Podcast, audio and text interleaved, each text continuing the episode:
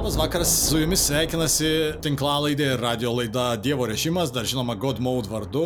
Šiandien susitinkam eilinį kartą pakalbėti apie žaidimus. Šiandien temą parinkom tokią įdomesnę, galbūt platesnę, šiek tiek sukabinta ir su naujausiomis naujienomis, bet e, iš dalies jinai apriepia tokią kaip ir plačią sferą, kuri vadinasi, a, norėčiau sakyti angliškai, remake'ai ir remasteriai. Tai turbūt čia, jeigu lietuviškai paieškot žodžių, tai turbūt būtų žaidimų perdariniai arba tiesiog atkūrimai su geresnė grafika, Perdirbiniai ir remasteriai. perdirbinį remasterį, remasterį jo. Čia sunku turbūt iš tikrųjų išvengti šitų angliškų terminologijų. Tai vad galbūt dėl to ir gerai būtų pradėti šitą uh, diskusiją su mūsų svečiais. Tai vienas iš jų yra Artūras Rumencevas Sveiki. ir Vytautas Lukaševičius. Sveiki. Iš Dan Right. Labai e, rekomenduoju užsiprenumeruoti Vytauto su Kaziu kanalą YouTube ir e, ten visą laiką pamatysite šviežiausių ir ne tik šviežiausių žaidimų apžvalgas, labai gerai, profesionaliai padaryta, puikiai garsinta. Na, bet grįžtam prie temos, tai yra perdariniai ir remasteriai. Turbūt vat, ir pirmiausia ir gal sutarkim dėl savokų. Kas jūsų nuomonė yra remasteris ir kas yra tas vadinamasis perdarinys remake'as. Tai dar norėčiau e, dar labiau komplikuoti šitą situaciją ir dar trečią įmesti e, e, į visą šitą katilą, tai dar sakyčiau yra vadinamieji portai. Lietuviškai turbūt tiesiog žaidimo perkelimas, be nieko net naujinant beveik. Ir tokių pavyzdžių dabar labai lengva atrasti, čia jau kalbant iš šiandieninės perspektyvos, labai lengva atrasti uh, PlayStation'o mm, e, katalogę, kuris buvo yra skirtas premium, e, na, tiems, kurie naudoja PlayStation Premium prenumeratą. E, Ten dabar įmeta tiesiog, galėčiau sakyti, portus pirmo PlayStation sėkmingų žaidimų ir jie praktiškai beveik, beveik net naujinti niekuo. Tai a, tokį žaidimą ir verta turbūt pavadinti tiesiog jo perkelimu ir galimybę, su, su, suteikiant galimybę tiesiog šio laikinės kartos žaidėjams žaisti a, seną žaidimą. Geras pavyzdys turbūt būtų va, tik ką neseniai tokiu būdu perkeltas Legend of Dragoon, mėgstamas tikrai PS, PS1 konsolės, na, klasikinis toks žaidimas.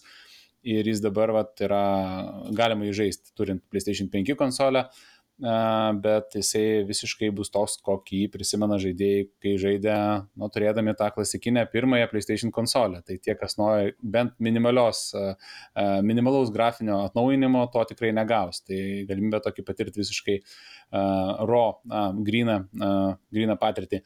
Na, o iš savo pusės, nežinau, Artūras tikrai papildys, bet iš savo pusės aš manau, kad uh, perdirbiniu arba remake'u verta vadinti tą žaidimą, kuris uh, nors ir išlaikant um, tam tikras skirtinės savybės, čia jau kuriejų sąžinė ir kuriejų vizijai uh, paliekam spręsti, ar labai išlaikant, ar jau taip liberaliau žiūrint, bet tai vis tiek yra žaidimo perkūrimas iš pagrindų. Uh, visiškai atnaujintas arba naujas grafinis variklis, uh, lygių dizainas pilnai peržiūrimas, uh, įgarsinimas dažnai tokiais atvejais taip pat būna perrašomas iš naujo ir nauji aktoriai būna parinkti mm, muzika taip pat, ir, nu, žodžiu, visos sudedamos dalys yra iš pagrindų perkuriamos.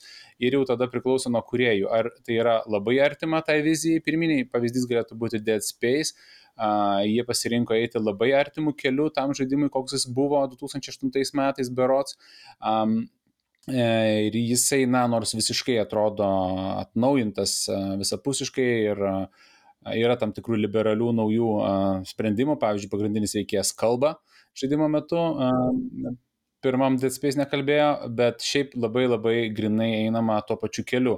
Tik tiek, kad viskas viskas atnaujinta. Ir yra tokių pavyzdžių, kurie, na, šiek tiek liberaliau žiūri į tą ir, ir galbūt padaro tą perdirbinį, na, naujai praktiškai improvizuoja arba mano, kad dalis dalykų jau nebetinka šiems laikams ir juos tada pakeičia. A, Konkretaus pavyzdžio dabar taip greit neprisiminsiu, bet į galvą vis iškyla Resident Evil 3 perdirbinys, kur tiesiog kuriai nusprendė išmesti pusę žaidimo, a, kuris buvo PS1 konsolėje. Ir fanai to žaidimo, tie prisiekę fanai buvo labai labai pasipiktinę, nes, na, tos dalis tikrai buvo svarbios a, žaidime ir jų, jų netekus, a, išmetus, tas perdirbinys irgi atrodė šiek tiek kreivai.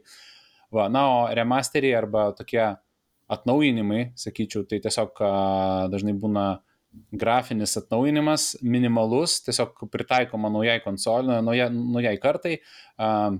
Ištempiamas vaizdas, kad nebūtų suspaustas apie naujus televizorius galvojant, būna atnaujinamas garsas, ta grafika atnaujinama ne, ne tiek labai, bet pakankamai, kad pasijaustų, kad tu žaidži šiek tiek na, atnaujintą žaidimą. Ir pavyzdys galėtų būti Final Fantasy VIII, kur jau atnaujino veido modelius, perpešė šiek tiek aplinkas ir vis tiek, nors tai nėra naujos grafikos žaidimas kaip Final Fantasy VII remake'as perdirbinys, bet vis tiek maloniau žaisti. Ir ta naujos kartos konsolė gali pažindinti su klasika, kaip Final Fantasy 8 dalis, primtinesnė forma. Sakyčiau taip, jeigu trumpai. Tai rezumuojant, galima sakyti, kad remake'as visą laiką turės daugiau pakeitimų į pačiame žaisme, galbūt ir įgarsinime, ar ten vizualioje dalyje, galbūt siužetą išmesta, ar pridėta, o, o remasteris yra tiesiog, galima sakyti, pakokybintas vaizdas, kad tiktų šiandienos, šiandienos nu, nežinau, konsolėms. Ar čia, pavyzdžiui, Last of Us pirmojo uh, išleistas, uh, Last of Us pirmasis originalusis išleistas ant PS5. Čia yra kas? Remasteris. Remasteris. Niekas nepakeista, tik tai tekstūros. O aš sakyčiau, kad remake'as. nu, nesąmonė. Taigi šitie terminai yra Remasteris yra terminas kine, jisai yra terminas muzikoje. Jisai visą laiką reiškia mediumo pritaikymą naujom sąlygom. Pasikeitė ekranai, pasikeitė hi-fi savoka. Ne. Ir remasterini tą gabalą. Jo, bet ne. E, naujas, e, žiūrint, žiūrint apie kurį Last of Us kalbam, nes prisiminkim, kad Last of Us, kuris buvo išleistas PlayStation 3 konsolė, jis buvo remasterintas PlayStation 4, o PlayStation 5 jis buvo remakintas, nes jis nu, buvo... Nu, bet, bet čia ir yra ta nesąmonė, ką aš sakau, kad yra žodžiai... Bet jis buvo perkurtas, Artūrai, jis buvo perkurtas, tiesiog ne ta studija darė, bet jie perkūrė jį su grafiniu varikliu nauju. Bet jis skiriasi tai... kažkuo. Tai vartotojo, iš vartotojo pusės, žvelgiant, jam vienodai šviečia naujas variklis, senas variklis, jam svarbiausia yra, ką jisai gauna. Jeigu jis gauna identišką žaidimą su geresniem tekstūrom, tai jam tai yra remasteris. O mums, aišku, kurie gilinasi, žinoma, galbūt mums tai tada praktiškai, teoriškai kalbant, yra remake. remake. Va, va, čia, va čia labai jautrus taškas tada, kur mes tikrai turim dėl savokų uh, susitarti, nes bet kokiu atveju, na ir mano ir Kazimiero kolegos nuomonė, uh, Jeigu žaidimą iš pagrindų perkuria, tai jau yra remake'as. O Last of Us PlayStation 5 iš pagrindų perkuria, bet kaip aš minėjau anksčiau, čia jau yra kuriejų, kaip pasakyti, kuriejų sąžinės ir kuriejų vizijos reikalas. Ar jie nori padaryti jį identišką, bet tokiu atveju mes tada jau galim vadinti remasteriu, ar ne? Nes pavyzdžiui, Dead Space naujas irgi iš pagrindų perkurtas, bet jis irgi labai labai artimas pirmam, tai jis irgi tada realiai remasteris. Remasteris su papildomais tam tikrais atnaujinimais, pavyzdžiui, atsirado uh, šitie mm, šaudinės misijos ir panašiai. Širdie taip, o, o gyvenime jie visi vadina tuos dalykus kaip jie nori. ne, tai žinoma, remake'as, man atrodo, reiktų nepamiršti, tai kad jeigu pridedi žodelį savo marketinginėje medžiagoje, kad tai yra remake'as, tai iš karto yra daugiau pinigėlių turbūt žadama iš karto gauti, nes, nu, tai remake'as čia yra. Taip, už remasterį yra sunkiau čardžinti e, top dolerį. Nebent tai yra remasteris kokio nors. Ne, tu padarėjai, padarėjai The Last of Us, padarėjai The Last of Us remasterį ir tada darai The Last of Us remake, kur in essence visi trys žaidimai yra vienas ir tas pats, bet keisdamas šitų žodžių savokas, tu ir už trečią variantą irgi gali imti top dolerį. Kodėl, sako žaidėjas, aš turiu dar kartą 20 dolerių mokėti. Sako, todėl, kad, nu, čia buvo visiškai nauja komanda ir jie nuo nulio tą gėjimą padarė. Nu, ką žinau, Nu, matai, bet, bet, bet čia, čia jau, žinai, tie žaidėjai, kurie žaidė Last of Us um, anksčiau, tai jie tikrai neturi mokėti. Gali palaukti, kaip aš palaukiau, kol jis nupigo ir įsigijau jį už savo primtiną kainą. Ne, bet vis tiek, eurų, verslo modelis. Čia labai jo, šis buvo geras pointas dėl marketingo. Prasme, iš tikrųjų tai yra svarbu, ką tu gali pasakyti marketingė. Todėl, kad remasteris žaidimų industrijai, pavyzdžiui, remasteris kai kuriais atvejais, nu, turbūt priklauso nuo laiko, apie kurią, kurią mes esam, tą duotą minutę. Remasteris kartais gali reikšti, kad, prasme, realiai ten to darbo naujo nėra daroma, dėl to, kad žaidimas buvo sukurtas pradžioj uh, daug aukštesnės raiškos, bet jam buvo sudėlioti ribojimai pagal platformas. Prabėgo trys metai, Hebra atsidaro savo tipo uh, source ir mato, kad jie gali perleisti tą patį gėjimą Full HD, ten biškai patvykinti, uh, nes jie turi asetus daug aukštesnės kokybės, negu jų reikėjo tada, kai žaidimą išleido ir jie išleidžia remasterį, ne, nu, tarsi visiškai neįdėdami darbo. Ir jau už tą remasterį kitą kartą, kaip ir būna, nutinka, kartais gamtoj, sako, jums nereikės už jį mokėti. Nu, tipo, atsisiųskit ir žaiskit.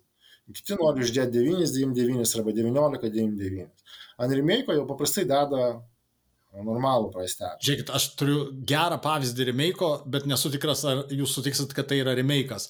Uh, Half-Life'o Black Mesa. Bet čia dar kitas, čia fanai darė, ar ne? Jo, jo, taip, taip. Bet čia iš vis kita kategorija, man atrodo. Čia jau fanai daro. Bet Half-Life'as yra labai geras pavyzdys, tai yra žaidimas, kuriam daug metų nereikėjo remake, tu nusipirki naują kompą, įsijungi Half-Life'ą, sukeli visas opcijas tiek, kiek veža ir matai naują gėjimą, kiekvieną kartą. Jisai, ta prasme, tikrai jau lietai seno.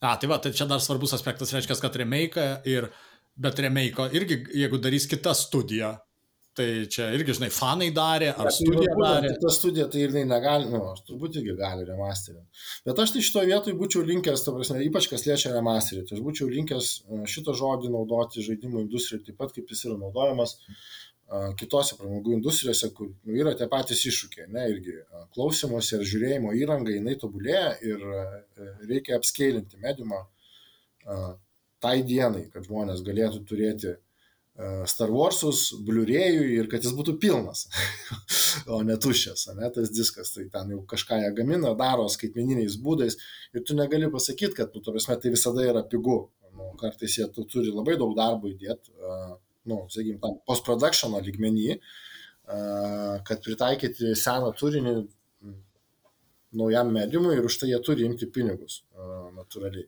Tai Star Warsai savo metu per kino teatrus prasėjo labai sėkmingai po pirmo remasterio prieš, prieš trilogijos tas naujas dalis paleidžia. Galbūt tas savokas e, padės antrasis mūsų klausimas išsiaiškinti, tai va, būtent geri ir blogi abie, abiejų tipų pavyzdžiai. Tai, pavyzdžiui, imkime remake. Nes iš tikrųjų, kol- Vytautas kalbėjo, dar yra trečia savoka. Nu, tai jisai pakalbėjo apie portus, nu, aš sakyčiau, čia gal e, kada nors galėsim cross, cross platform tema pasidaryti podcastą ir tada apie portus pakalbėti, kurie irgi buvo rykštė kažkada, tai apskritai žaidimų, ž- žaidimų industrijos. Bet e, dar yra rebūtai. Ir jie buvo irgi visais laikais, e, kai kažkas paima žaidimą ir sako, nu mes vėl darysim, nu hipotetiškai išnekėkim, vėl bus Resident Evil be skaičiaus. Ir tai bus rebūtas. Ta prasme, jisai prasidės iš naujo, vėl nuo kažkokio incidento, Umbrello, į dar kažkur. Ir tokių rebūtų, nu, mes istorijų nemažai turėjom skirtingose serijose.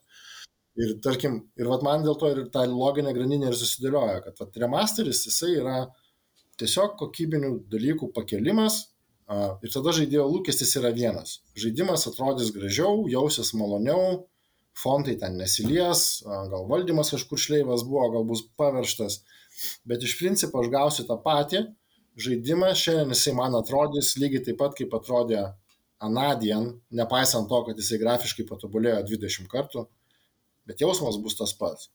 Remake'as, bent jau mano požiūriu ir mano lūkesčiai yra, kad okei, okay, buvo žaidimas X, jisai labai visiems patiko, bet davai mes jį perkurkim naujam laikam. Ir va šitoje vietoje aš norėčiau matyti kurėjo ieškojimus, kas yra suvokimas naujam laikam. Ar tu įdėsi tik tai juododžių veikėjų ir čia jau bus nauji laikai. Ar tu vis dėlto įvertinsi visas mechanikas? Gal tavo žaidimas, kurį tu remėkini šiandien, prieš 15 metų paklojo pamatus trečio asmens šaudikliam iš principo. Ir tu jau to nebeinventinsi ir neberimėkinsi, bet galbūt tu gali pasiūlyti kažką naujo.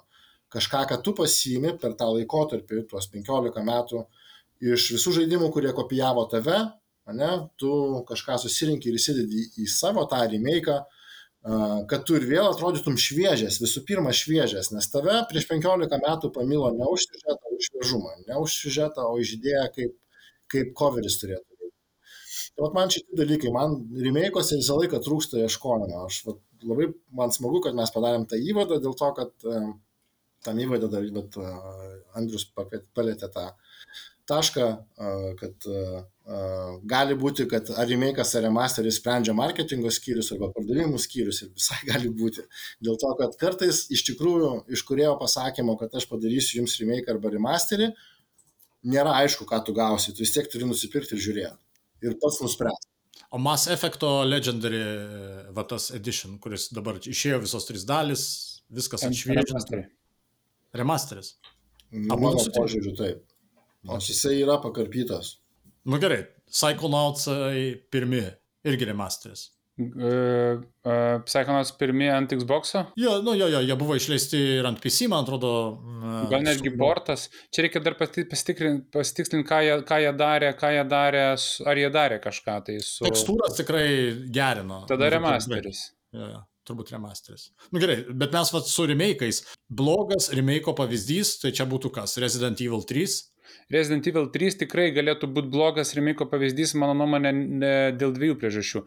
Dėl vienos tai, kad fanų, e, nu vis tiek, pavyzdžiui, Resident Evil 2 remake'as gali būti laikomas labai gero remiko pavyzdžiu, nes jie uh, tiek fanų dėmesiui uh, tikrai padarė verta sugrįžti žaidimą ir fanai žaisdami uh, tikrai uh, Vat čia Artūro geras gal buvo pastebėjimas, kad praėjus daug metų jie tam tikrus dalykus pakeitė, bet jie vis tiek fanų neužgavo ir tai buvo vis tiek tas pats žaidimas, kurį fanai mylėjo. Ir jiem buvo vėl galimybė vėl daryti tuos speedrunus, nežinau kaip lietuviškai sakyti, vėl įvairius ten lygių naršymus ir taip toliau.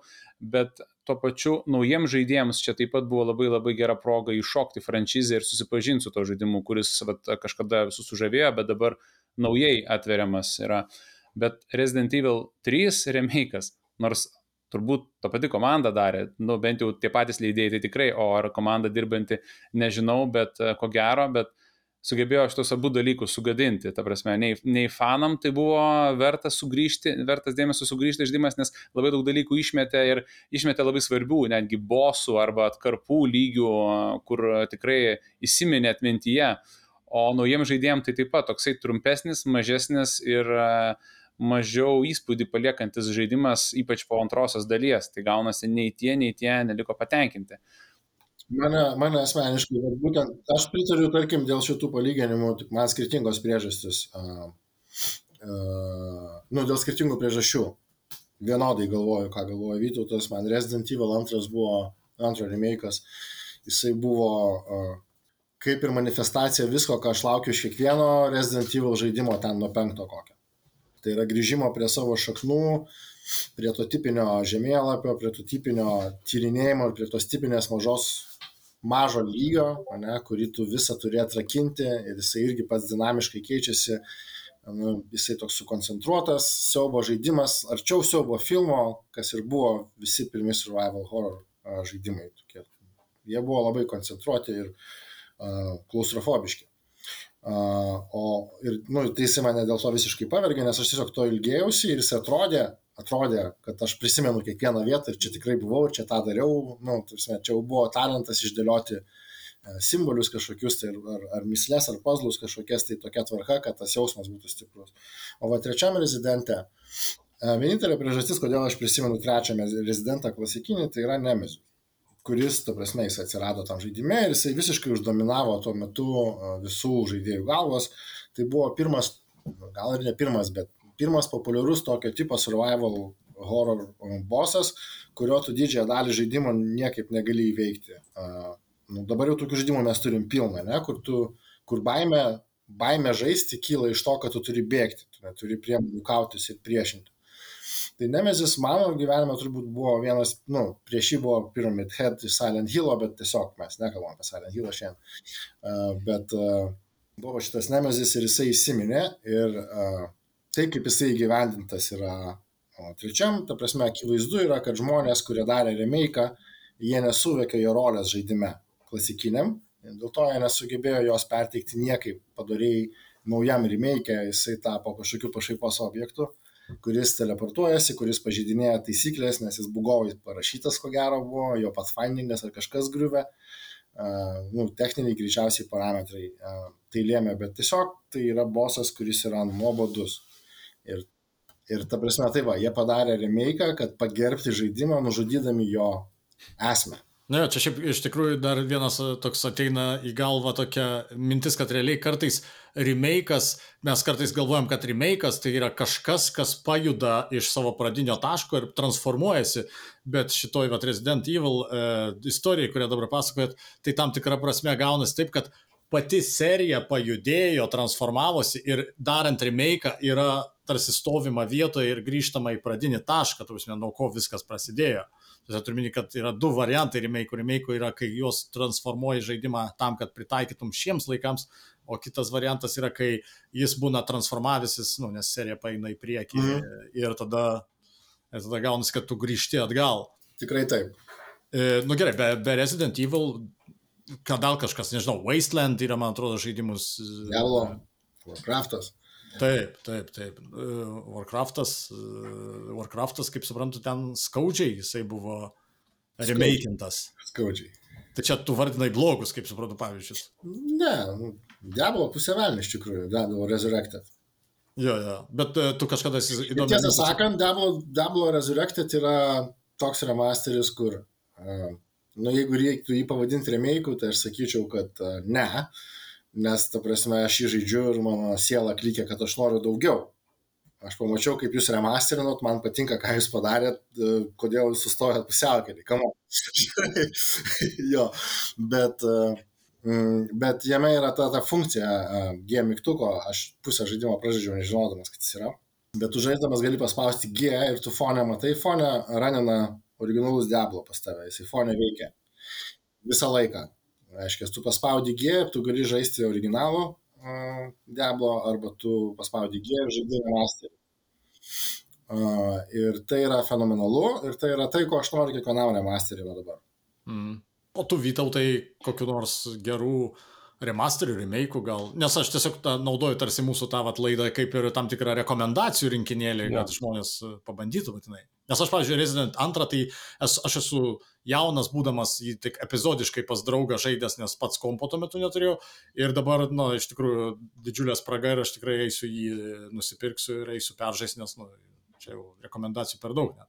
Aš manau, tikrai, tikrai nesigailėsi, vienas tikrai geriausių žaidimų savo žanro ir, ir apskritai. Mm. Bet e, kalbant apie šiaip, dabar kol vartojas pasakoja, aš galvojau, yra nemažai tų pavyzdžių. Aš pasitengsiu kuo daugiau išvardinti, nes turbūt visų ir nesuvardinsiu, bet kuo daugiau. Tai visų pirma, reikia turbūt paminėti mafiją, perdirbinį, čia jau perdirbinys ir man asmeniškai nepatinka, bet daugeliu žaidėjų tikrai patiko. Ir čia padarė tai, ką Artūras sako, jie visiškai perrašė, perrašė, tursi, kaip, istorija ta pati, bet visiškai kiti aktoriai, jie visai, nu, tarsi, net charakterį pasikeičia personažų absoliučiai 180 laipsnių ir um, pakeitė tam tikrus istorijos momentus, pakeitė patį bendrą, uh, bendrą uh, nežinau, atmosferą ir kaip viskas taip. vyksta. Bet čia Mafia Definitive Edition, ta pirmoji mafija. Taip, taip, taip, taip, taip. Dabar neleisiu Artūrui įsiterpti toliau važiuoju, nes noriu kuo daugiau suvardinti. Kitas dar pavyzdys būtų Final Fantasy VII remake'as kaip perdirbinys, ar ne? Tai ten jie iškirpo. Tarsi, viso to originalaus Final Fantasy VII jie paėmė tik tai gal pirmą ketvirtadalį ir jį labai labai ištempė, nes tam originaliam žaidimui tu greit prabėgi, ten vos ne kaip e, treniruočių ir žaidėjo išsimokslinimo žaidimo atžvilgių tokia, na, kaip pasakyti, atkarpa, kur tu išmoksti, kaip žaidimas veikia ir tada jau prasideda žaidimas. Tai jie tą atkarpą labai labai ištempė ir padarė iš to tokį, na, kaip pilnavertį žaidimą, ar ne? Tai irgi aš, aš pradžių kritiškai vertinau jį, kai jis tik tai išėjo, bet dabar aš kuo toliau, to labiau matau, kad tai vis dėlto irgi yra labiau tą pusę, ką Artūras minėjo, kad tai daugiau pergalvojimas žaidimo ir perkratimas jau naujai kartai su tam tikrais at, atnaujimais, pakeitimais, faini jie, ne faini, bet jie paskui pabaigai net pradėjo keisti istorijos kryptį ir tam tikrų pradėjo korekcijų net šitoj srity daryti, kas yra irgi kai kam labai nepatinka, o kai kam visai sveikintinas.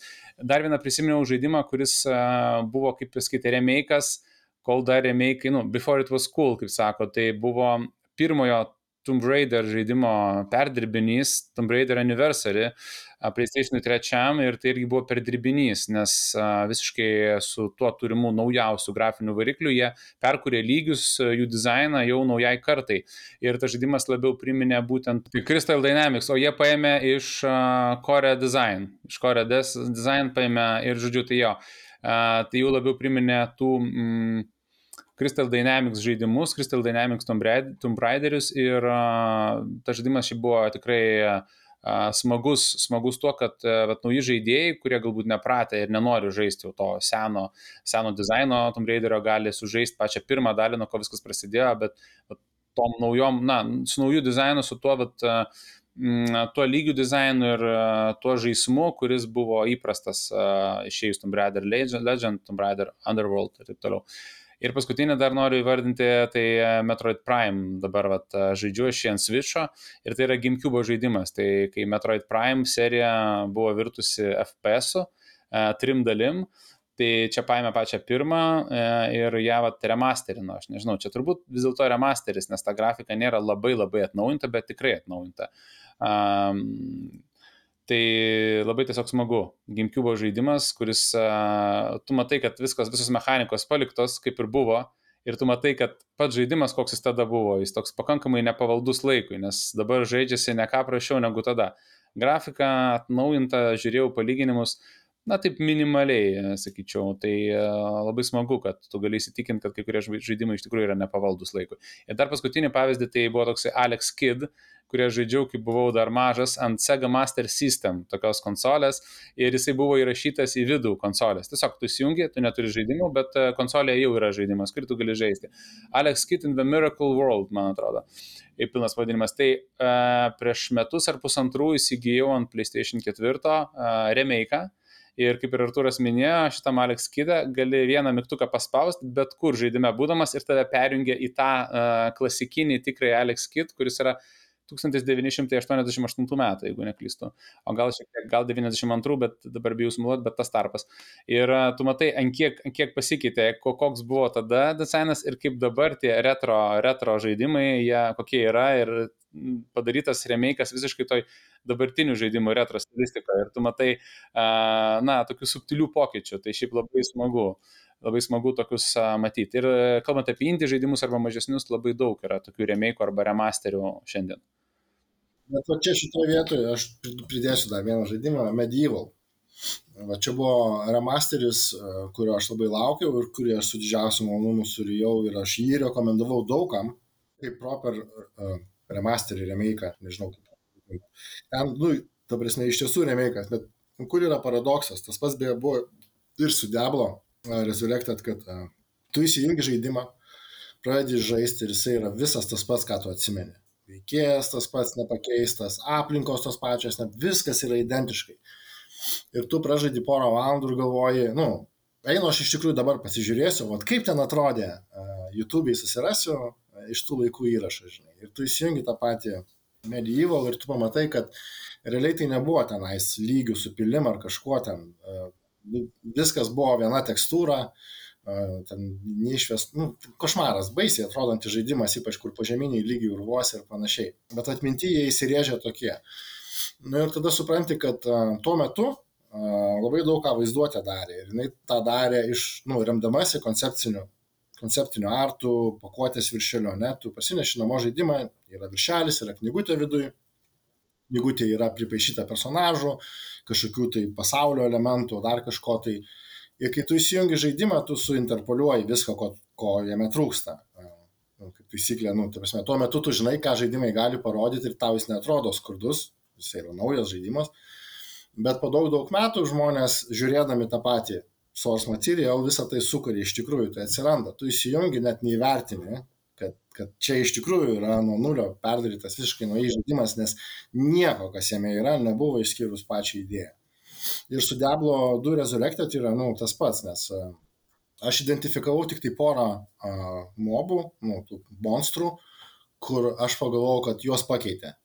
Uh, paskui jau, kai pradėjau G mygtuką spaudinėti, nu, tai tai ir buvo, kad ten vorai ir lervų viena rušis, jinai akivaizdžiai kitaip atrodo dabar, negu aš ją atsimenu, uh, o visi kiti, nu, jie atrodo panašiai, bet aišku, jie stipriai patobulinti ir, ir, ir uh, nu, kai, kai, kai tu žiūri uh, tą kokį nors ten pelkių monstrą, rūpužės formos uh, ir tokį ir matai Resurrected žaidime, paspaudi G, ten toks pilkas blobas atsiridena link tavęs, neina suprasti, kurio galvo, kurio kojos, bet aš jį atsimenu tokį, kokį aš jį dabar matau, žinai.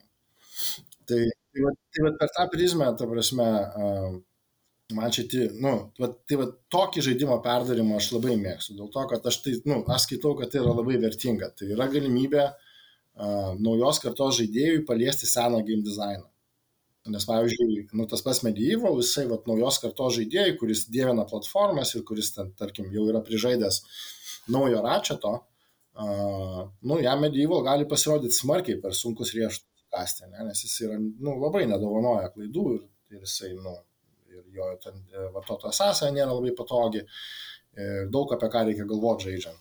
Kas tais laikais buvo natūralu, nu, nes mes mokėmės daryti žaidimus, kurie yra prieinami visiems, ne, visa industrija to mokėsi.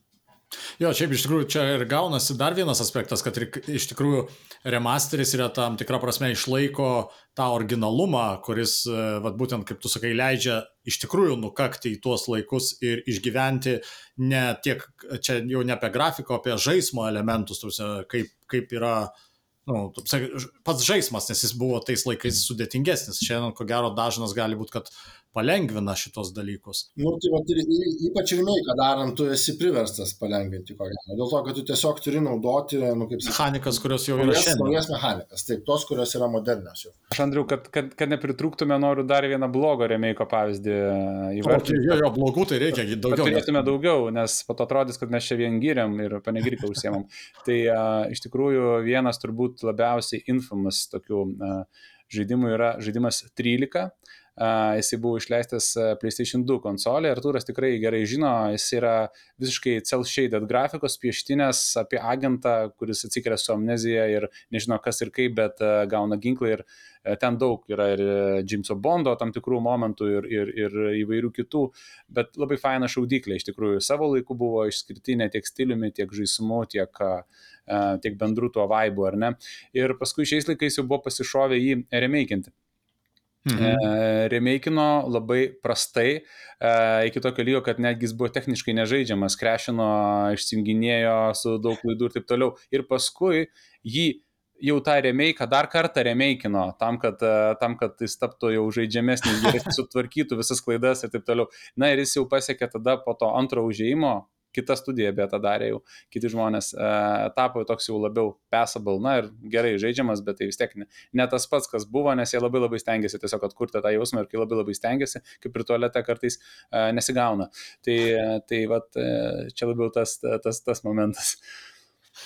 Šiaip iš tikrųjų, vat, remake ir remasteriai tam tikrą prasme man bent jau asmeniškai tai tampa e, galimybę sužaisti žaidimus, kuriuos visgi dėl vienų ar kitų priežasčių aš nu, praradau tą laikotarpį. Tiesiog tuo metu nebuvo laiko, tada užsikasė, užsikasė ir jie prapolė. Tas pats Psychonauts, paskui, e, ką aš čia dabar, va, tas Resident Evil 2 tą, tą patį e, planuoju, aš irgi jau buvau, turiu nusipirkęs ant iPad'o žaisti, pavyzdžiui, Stars. Tas Kotor Knights of, uh, of the Old Republic uh, Star Warsų. E, bet supratau, kad netrukus bus išleistas jo perdirbi, nu, tas remake'as ar remasteris, turbūt remake'as jau galima sakyti. Ir dabar laukiu jo, nes iš tikrųjų matau, kad, kad žaisti originalą net ir pataisytomis tekstūromis, kiek įmanoma, jau man yra per daug klankiai ir, nu, tiesiog galbūt kantrybės trūksta išgyventi tą dalyką. Nors realiai, va, tą aspektą, kur palėtėt, uh, čia yra toks, turėtų kuriuose mūsų kaip žaidėjų, kaip mėgėjų tos kultūros, turbūt viduje turėtų kirbėti tas noras iš tikrųjų pažaisti visiškai genuine uh, iš tų laikų atėjusias mechanikas, kurios, kad ir kokios būtų bjaurios, uh, jas verta būtų turbūt pabandyti. Kartais, aš tai sakyčiau kartais. Nu, ta prasme, nes tikrai kiekvienam žaidėjui. Ir man atrodo, kad čia bet pagrindinis dalykas, kurio man trūksta. Kai, kai, kai kuriejas deklaruoja, kad okei, okay, aš nusprendžiau daryti remake arba remasterį, jokio skirtumo ką. Ir jisai sako, aš nusprendžiau va, šitą savo žaidimą arba šitą savo žaidimą perdaryti uh, naujiems laikams. Aš noriu labai aiškaus atsakymą į klausimą, kodėl. Mhm. Tai prasme, vienas dalykas, mes visi puikiai suvokiam, kad uh, tam yra deleguojami resursai, kurie galėtų būti deleguoti naujam žaidimui, kurio mes laukiam. Čia man iš karto Dead Space atvejais. Taip, bet tada, jeigu jie gali atsakyti aiškiai, kodėl, tada aš žinosiu, kaip jį vertinti ir aš žinosiu, ar aš noriu jį įsigyti pirmą dieną su nuolaida, ar, ar nenoriu jo matyti akise iš vis.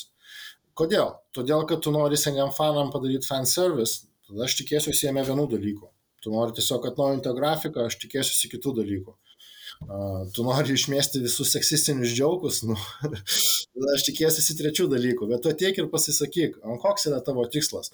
Nes tų tikslų gali būti daug, mes pašnekėjome, rezidentų yra kiek dabar dalių. Ir nu, tu galėjai pagauti žaidėją su septintu, ne, kuris yra kažko pradžia, tarsi naujas, nauja, nauja siužetinė arka, ar kas nori. Ir pagavęs žaidėją su septintu, tu galbūt nori jam duoti pažaisti ir kitus, ir nu, tai yra problematiška, ypatingai dar su klasikiniais žaidimais, kai kurie ekskluzyvus, kokiam nors buvo keistom konsolėm, dar kas nors. Tai, nu, tai reikalauja iš tikrųjų, kad žaidimas būtų perkurtas iš naujo. Ir tai yra kilnus tikslas. Nu, tipo, aš noriu onboardinti uh, naujus žaidėjus į pilną visatą, nes net nėra kinas, tarsi klasikinį kiną žiūrėti yra lengviau negu klasikinį žaidimą žaisti.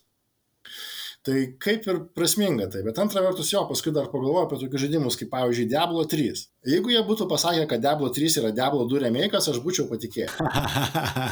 nu nes kaip, nu ten beveik vienas ir tas pats praktiškai yra.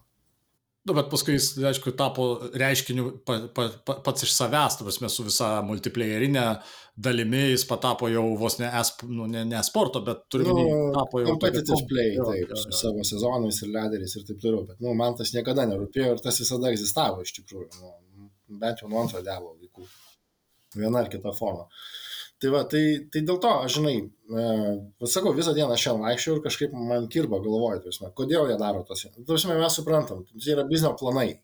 E, visur ir visada, žinai. Bet, o, nu, bet ir komandos viduje, ta prasme, tai į, į ką kabinasi žmonės. Ar jie, nu, kai kuriuose, pavyzdžiui, prie, prie kai kurių rėmėjų tu gali rasti ir tose pačiose Wikipedijose deklaravimą tų tikslų iš kurėjo pusės. O kartais atrodo, kad niekas neturėjo žalio supratimo, kodėl tai daro. Ir, ir galvoju, kad gal rezultatas finalinis kartais nuo to irgi priklauso.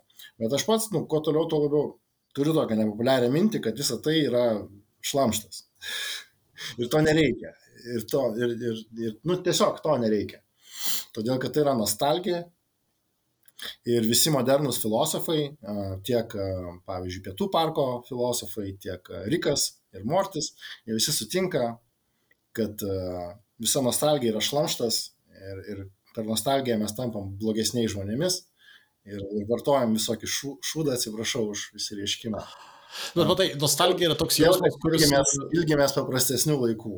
Ne, bet nostalgija yra tas jausmas, kurio tu negali pabėgti, nes, nu, žinai, filosofo kaip nori, vis tiek, kai tau pradeda daugėti metų, ta prasme, tu vis dažniau pagauni save prisimindamas. Jo, aš šiaip neturėjau nieko prieš nostalgiją, netgi visą tą Member Berries arką, kuri yra ilga ir jinai eina per žaidimus South Parko ir per e, serialą South Parko.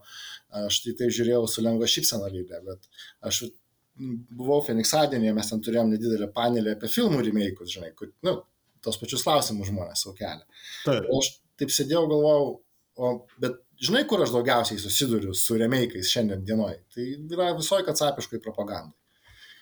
Ta prasme, visas tas vadinamas pramoginis, lengvas, soft, soft korinis, propagandinis turinys, jis yra visas paremtas nostalgija ir remeikai senų bairių naujoji realybei. Ir man tai tapo pasišlikštėtina kaip reiškinys, kuris yra išplitęs visur. Nu, čia yra nūdienos realija. Šiandien man nepatinka ta idėja. Na, jo, bet čia jau toks pernelik stiprus turbūt žmogiškosios psichologijos e, gabalas, tas e, noras grįžti į kažkokius laikus, e, nebūtinai jie geresni gali būti, bet... Taip, bet, kiek, bet, nu, šiaip pagalvokim, iš tikrųjų, nu, kiek mes dabar pražaidžiam remėjų, aš pats va, šiandien pagalvoju, kad o ką mes kalbėsim, aš iš tikrųjų remėjų nelabai, nei labai sėku, nei labai mėgstu, nei labai daug jų žaidžiu. Tada aš pagalvoju, ką žaidžiau pastaruoju metu ir galvoju, vien remėjai, vien remėjai. O dabar šiuo metu žaidžiu remake ir vakar žaidžiau remake ir aną savaitę žaidžiau remake. Vienintelis, ką žaidžiu, kas nėra remake, tai yra civilizacija, kas iš tikrųjų yra remake, kas kažkiek metų. ir tipo... O, o Vytau, tai, tai, nu, tai mes užsidarom savo, nu, mes visi turim ribotą laiką ir, ir, ir Nu jo, šiaip taip, ta prasme tikrai, tuose remake'ai, nu jo, čia turbūt visi gal sutarėm su tuo, kad realiai remake'as turėtų būti tikrai ateit pasvertas pačių kurėjo, ne dėl to, kad, tipo, vat, turbūt vienas iš tokių pavyzdžių, kur gal ir Vytautas čia norėtų pasakyti apie gal tą Dead Space ir prieš Dead Space išėjusi tą kažkokį tai... Kalisto Protocol.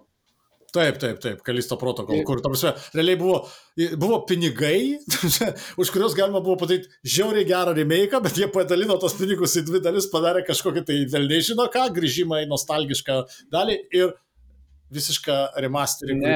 remake. Ne. Ne, Andriu, Andriu, čia labai labai svarbu atikslinti, nebuvo pinigų, kuriuos padalino, buvo dvi Ne, čia aš studijos. sakau, kad virtualiai galvojant, Ai. taip sakant, jeigu, bet kaip sakėt, ar, ar tojas, kad tipo, maždaug, žinai, skiri pinigus ir savotiškai tiesiog tik atnaujini teks, tas tekstūras ir, nu, naudos jokios nėra tam, kad tipo, tik paimtum iš vartotojų pinigų. Nu, tu išskiri tą maišą. Šiaip, šiaip apskritai Dead Space šita situacija yra labai toks e, liūdnas atvejis ir įdomus iš tikrųjų, nes e, Kalisto protokol, kuris išėjo prieš Dead Space, jis turėjo būti realiai to pirmojo Dead Space reinkarnacija, na tik kito žaidimo pavydalu. Tai turėjo būti kažkas naujo iš originalaus tikrojo Dead Space kūrėjo, kuris išėjo iš studijos. Bet jis padarė, nu, nesakysiu ką, nes tai necenzūrinis žodis ir e, vengiu. stengiuosi- Atsiprašau, kad pertrauksiu, bet va, čia yra viena iš žaidimų industrijos įdų. Kai išeina kuriejas, tėvas, sukūręs kažkokią franšizę, kurią tu myli ir jis pats padaro žaidimą, dažniausiai visada rezultatas yra toks, kaip tu sakai.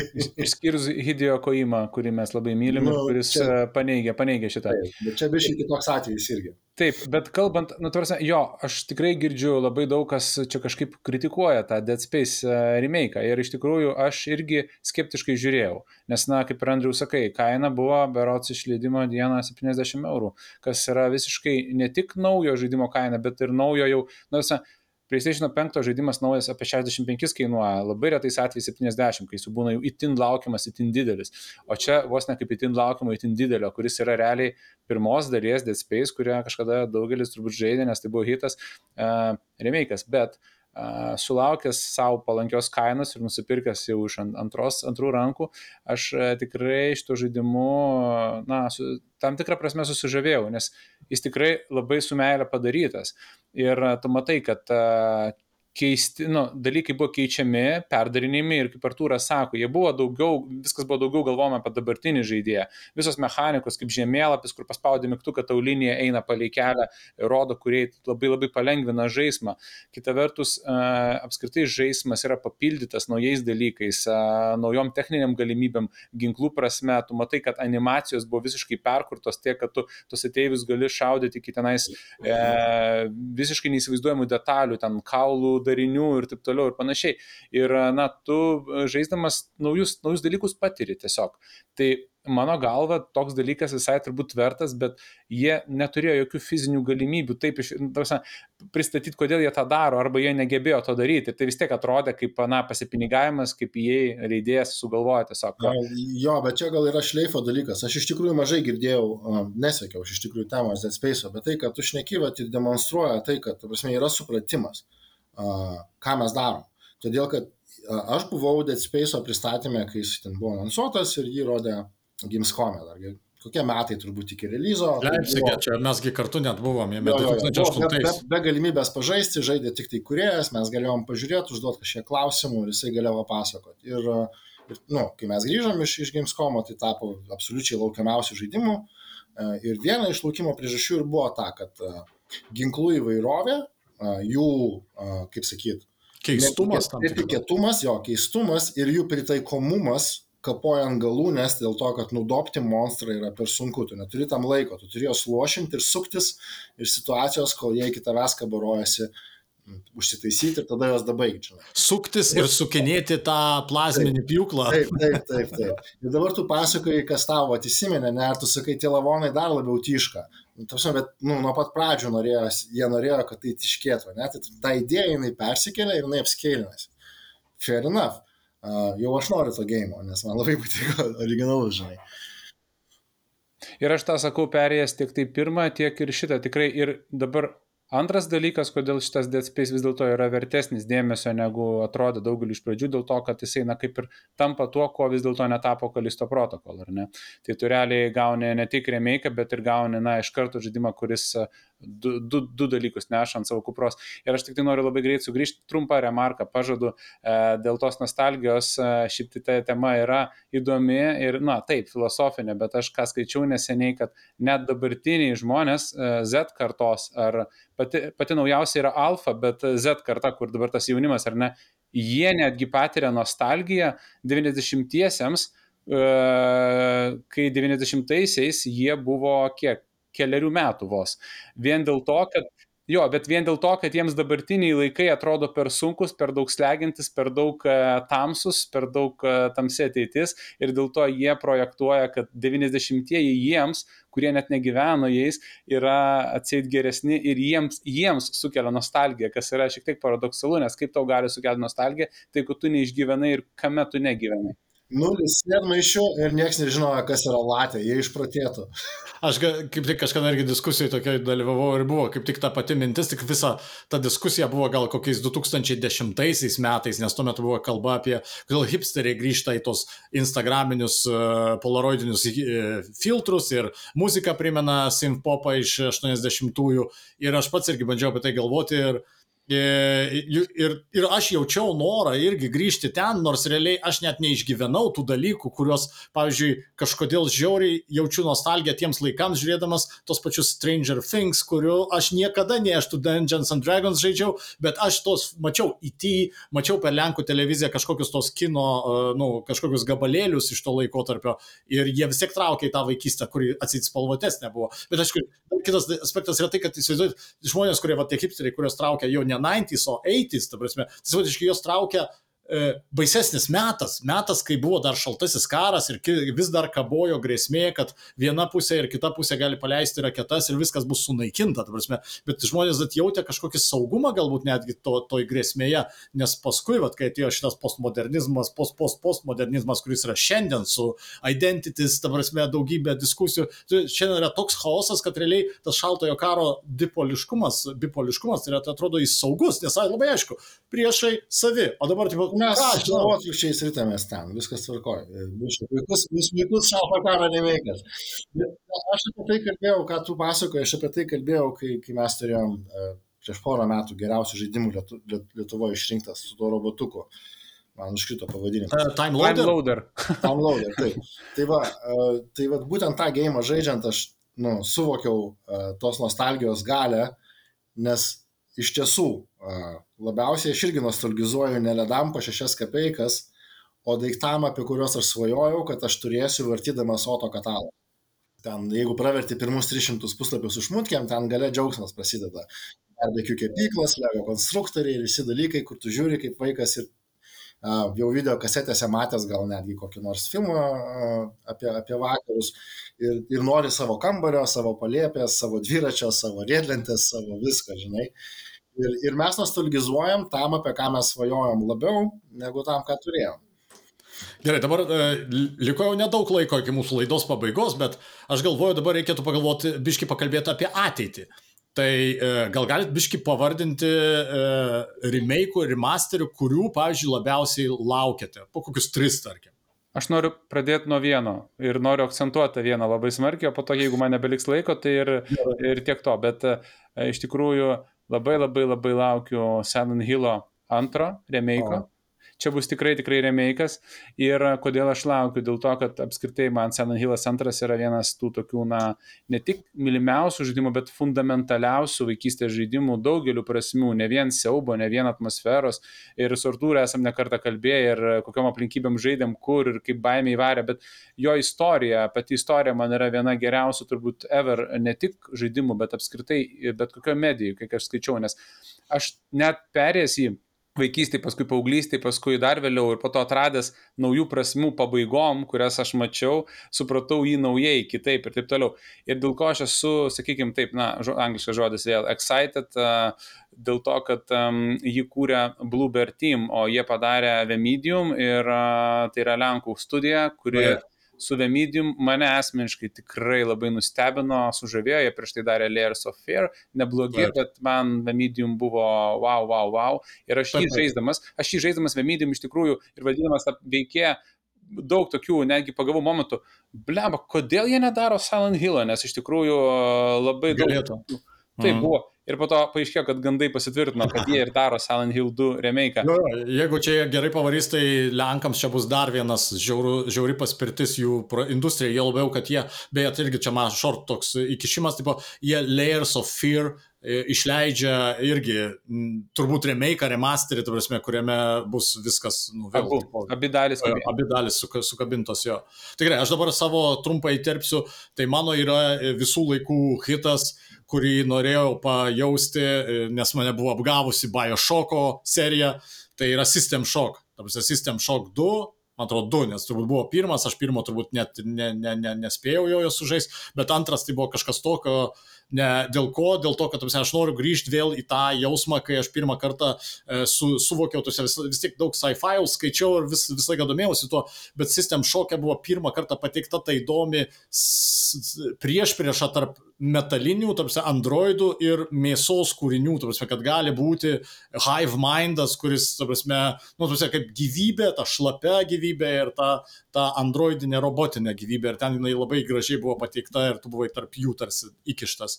Tai ir kaip suprantu, irgi jis jau turėtų šį mėnesį pasirodyti, nes data yra kovas 2023, nors aš sakau, keista, kai, kai premjeros data yra įrašoma be dienos, nu, bet žada komanda, kad tikrai išeis kovą, nežinau, gal jau išėjo, gal pražiauplinu. Aš iš tikrųjų nustojau domėtis ir laukti remake'ais jo. Uh, remake'ų nu, yra momentas, kodėl irgi. Vis tiek kažkuria prasme, uh, kaip kritikui, man įdomiau yra nauji žaidimai.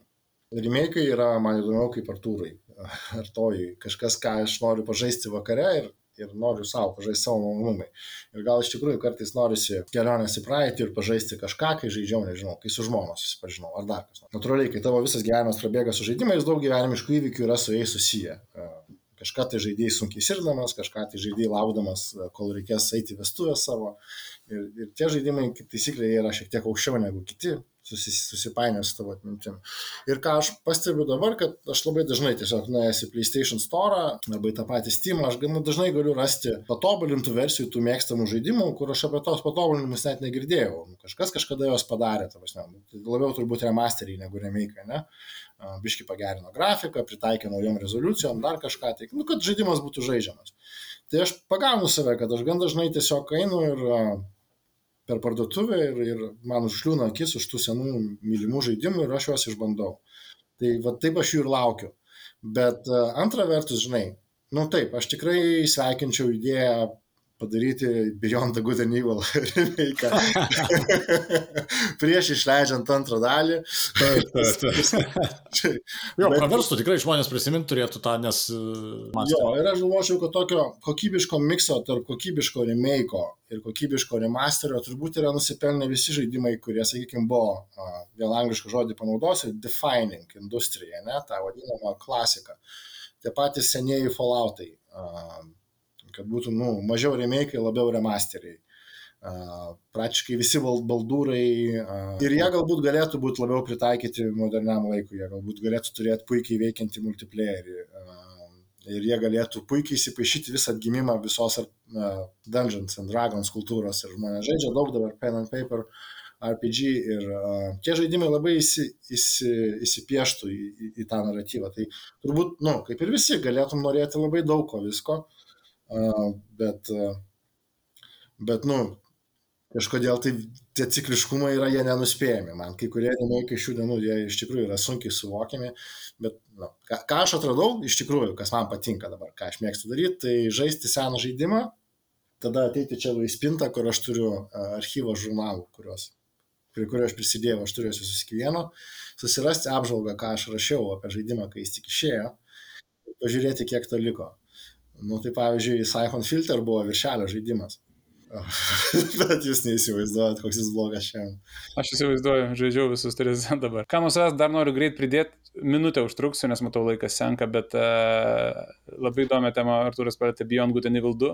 Tiesiog noriu pridėti nuo savęs, kad Ubisoftui su visais uh, remake'ais, kurie suplanuoti, sunkiai sekasi. Aš priminsiu, Prince, Prince of Persia, Sands of Time turėjo išeiti irgi parduotuvėje, neįvardinsiu kokia tai lietuviška parduotuvė, kad nereklamuot be reikalo, bet joje galėjai preorderinti Sands of Time remake jau prieš metus ir praeitų metų kovo jau turėjo jis išeiti, ar dar net praeitų. Po to iš vis išėmė, preorderio nebeliko, tu pinigų žmonėm gražino.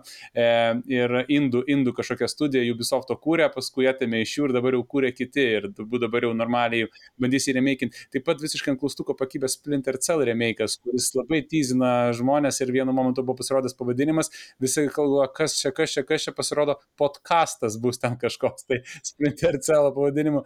Ir, žodžiu, ten fanai turbūt kažkas gavo ir šitą smūgį. Na ir dar vienas žaidimas iš tokių, tai yra Max Payne pirmas, antras ir aš manau, kad Remedy vienai per kitaip tikrai kažkokį remake pasiūlys, nes yra kalbama apie tai labai daug ir aš manau, kad tikrai būtų ir žaidžiančių, tiek naujų žaidėjų tarpe, tiek senų. Ir paskutinis dalykas, ką aš noriu pasakyti, kad aš asmeniškai būdamas vaikas ir paauglys neturėjau galimybės ir teisės pažaisti žaidimo Chrono Cross nes jis buvo tik Amerikoje išleistas ir aš jau nebuvau linkęs piratauti tuo metu. Ir dabar yra jo remasteris pasiekiamas PlayStation 4, PlayStation 5 žaidėjams ir tikrai rekomenduoju tiems, kas nori pabandyti tą žaidimą, nes jis tikrai yra išskirtinis savo žanre, japonišką RPG žanre.